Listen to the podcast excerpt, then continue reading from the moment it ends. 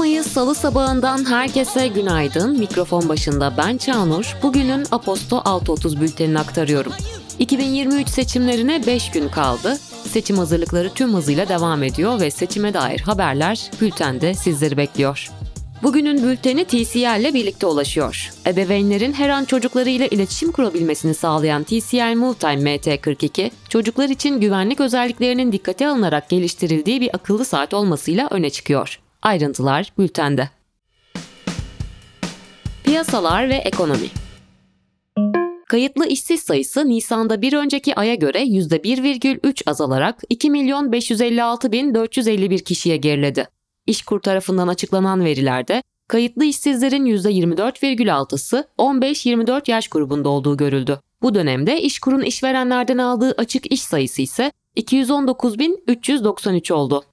Türkiye İstatistik Kurumu 2022 yılına ilişkin yoksulluk ve yaşam koşulları istatistiklerini yayımladı. Eşdeğer hane halkı kullanılabilir fert medyan gelirinin %50'si dikkate alınarak belirlenen yoksulluk sınırına göre yoksulluk oranı 2022'de aynı düzeyde kalarak %14,4 oldu. Nisan ayında en yüksek reel getiri tüketici fiyat endeksi ile indirgendiğinde %7,15 ile külçe altında gerçekleşti. TÜİK tarafından yayımlanan finansal yatırım araçlarının reel geliri oranlarına göre tüfe ile indirgendiğinde avro yatırımcısına %1,75 reel getiri sağlarken dolar %0,63, mevduat faizi %0,90, BIST 100 endeksi %5,63 ve devlet iç borçlanma senetleri %10,39 kayba yol açtı. Türkiye imalat sektörünün ana ihracat pazarındaki faaliyet koşullarını ölçen İstanbul Sanayi Odası İmalat Sektörü İhracat İklimi Endeksi Nisan'da 53,1 olarak gerçekleşti. Mart'ta 52,6 olan endeks, üst üste 3. ay eşik değer 50'nin üzerinde kalarak ihracat iklimindeki iyileşmenin sürdüğüne işaret etti. Avro bölgesinde yatırımcı güveni Mayıs ayında beklentilerin aksine gerileyerek son 4 ayın en düşük seviyesine indi. Nisan ayında eksi 8,7 puan olarak hesaplanan endeks Mayıs'ta eksi 13,1 puana geriledi. Avrupa'nın en büyük ekonomisi olan Almanya'da ise yatırımcı güveni Mayıs ayında eksi 6,9 puandan eksi 14,5 puana indi. Almanya'da sanayi üretimi, otomotiv sektöründe zayıflayan performansın da etkisiyle Mart ayında beklentilerin üzerinde düşüş gösterdi. Şubat ayında %2,1 artış gösteren veri Mart'ta bir önceki aya kıyasla %3,4 oranında azaldı. Böylelikle ilk çeyrek sanayi üretimi 2022'nin son çeyreğine göre %2,5 daha yüksek gerçekleşti. İş dünyası ve teknoloji Big Chefs'in 3-5 Mayıs tarihlerinde gerçekleştirdiği halka arzda toplam talep büyüklüğü 832,5 milyon lira oldu. Talebi karşılanan başvuru sayısı 1,8 milyona ulaştı. Organize sanayi bölgelerinin üst kuruluşu ve Enerjisa Enerji'nin iştiraki e-şarj arasında 67 bin fabrikanın üretim yaptığı organize sanayi bölgelerine elektrikli araçlar için yüksek hızlı şarj istasyonları kurulması için protokol imzalandı. Kurulacak istasyonların tamamının Türkiye'nin yerli otomobili TOG'la uyumlu olacağı belirtildi. Yıl sonuna kadar 81 ilde en az bir yüksek hızlı şarj istasyonunun kurulması hedefleniyor. TÜBİTAK, Türkiye'nin ilk uzay yolcuları Alper Gezer Avcı ve Tuva Cihangir Atasever'in 2023'ün son çeyreğinde gidecekleri Uluslararası Uzay İstasyonu'nda gerçekleştireceği üniversite ve araştırma kurumlarınca hazırlanan 13 farklı deneyi açıkladı. Twitter, Circle kullanıcılarına attığı bir e-postayla uygulamada yayınlanan paylaşımlarının güvenlik problemi nedeniyle Circle'ları dışında kullanıcılar tarafından da görülmüş olabileceğini kabul etti. Kripto para borsası Binance, Bitcoin'de yaşanan ağ tıkanıklığı nedeniyle iki kez BTC çekimlerini askıya aldı. Yaşananlar nedeniyle BTC ve diğer kripto para varlıklarında çok büyük değer kaybı görülmedi. 28.900 dolar seviyelerinden işlem gören BTC, yaşananlardan sonra %3 değer kaybı ile 28.175 dolar seviyesine geriledi. Berkshire Hathaway'in CEO'su Warren Buffett, ilk çeyrek faaliyet karlarının %13 ile iyi geldiğini ancak ABD ekonomisinin muhteşem döneminin sona erdiğini belirtti. Almanya merkezli biyoteknoloji firması BioNTech'in net karı, COVID-19 aşısı satışlarının azalmasıyla bu yılın ilk çeyreğinde geçtiğimiz yılın aynı dönemine oranla %86 azalarak 502,2 milyon avroya geriledi. Seçim 2023 Cumhurbaşkanı adayları TRT'de propaganda konuşmalarını yaptı. Konuşmalar YSK tarafından yapılan kura sırasıyla gerçekleşti. Adayların konuşmalarından öne çıkanlar bültende sizi bekliyor.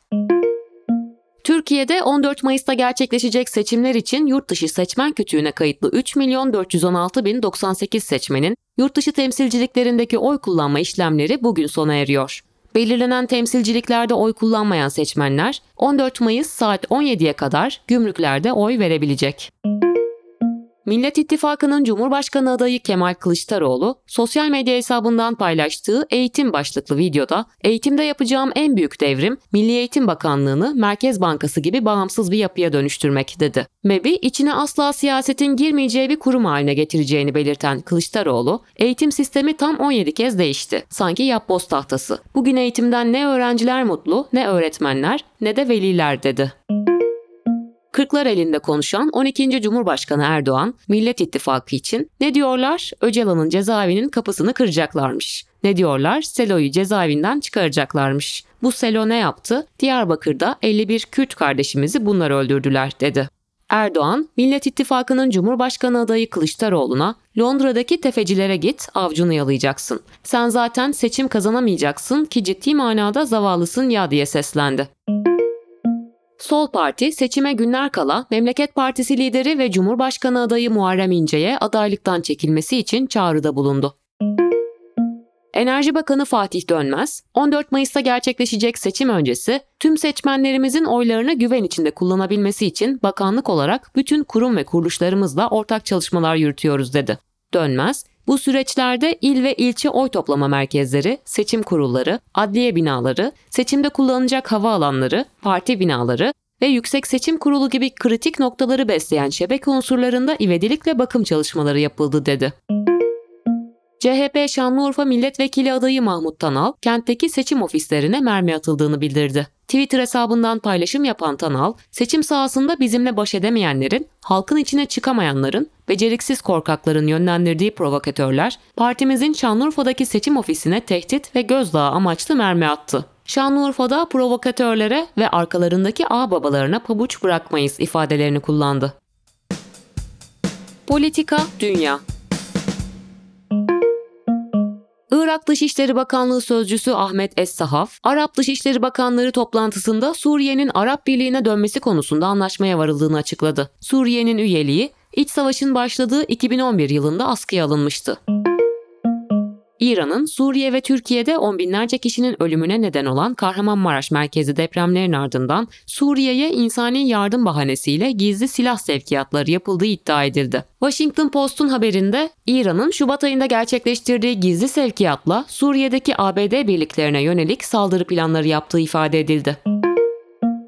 Azerbaycan Cumhurbaşkanı İlham Aliyev, ülkenin merhum ulusal lideri ve aynı zamanda babası olan Haydar Aliyev'in 100. doğum günü dolayısıyla 81 mahkum için af kararı çıkardı. Sırbistan Eğitim Bakanı Branko Ruzic, geçtiğimiz hafta bir ilkokulda düzenlenen ve 8 öğrenciyle bir güvenlik görevlisinin hayatını kaybettiği silahlı saldırının ardından istifa ettiğini açıkladı. Ruzic, sorumlu ve iyi yetiştirilmiş bir insan olarak mantıklı davranıp istifa kararı aldım dedi. Türkiye'nin ve dünyanın siyasi gündemini yakından takip etmek, gündeme ve politikalara dair analizleri okumak için Aposto'nun politika yayını Spektrum'a abone olabilirsiniz. Spektrum'a ücretsiz abone olmak için açıklamadaki bağlantıya tıklayabilirsiniz. Günün hikayesi Erzurum'daki saldırıyı kimler destekledi? Sevgili Abdullah Esin sizler için kaleme aldı.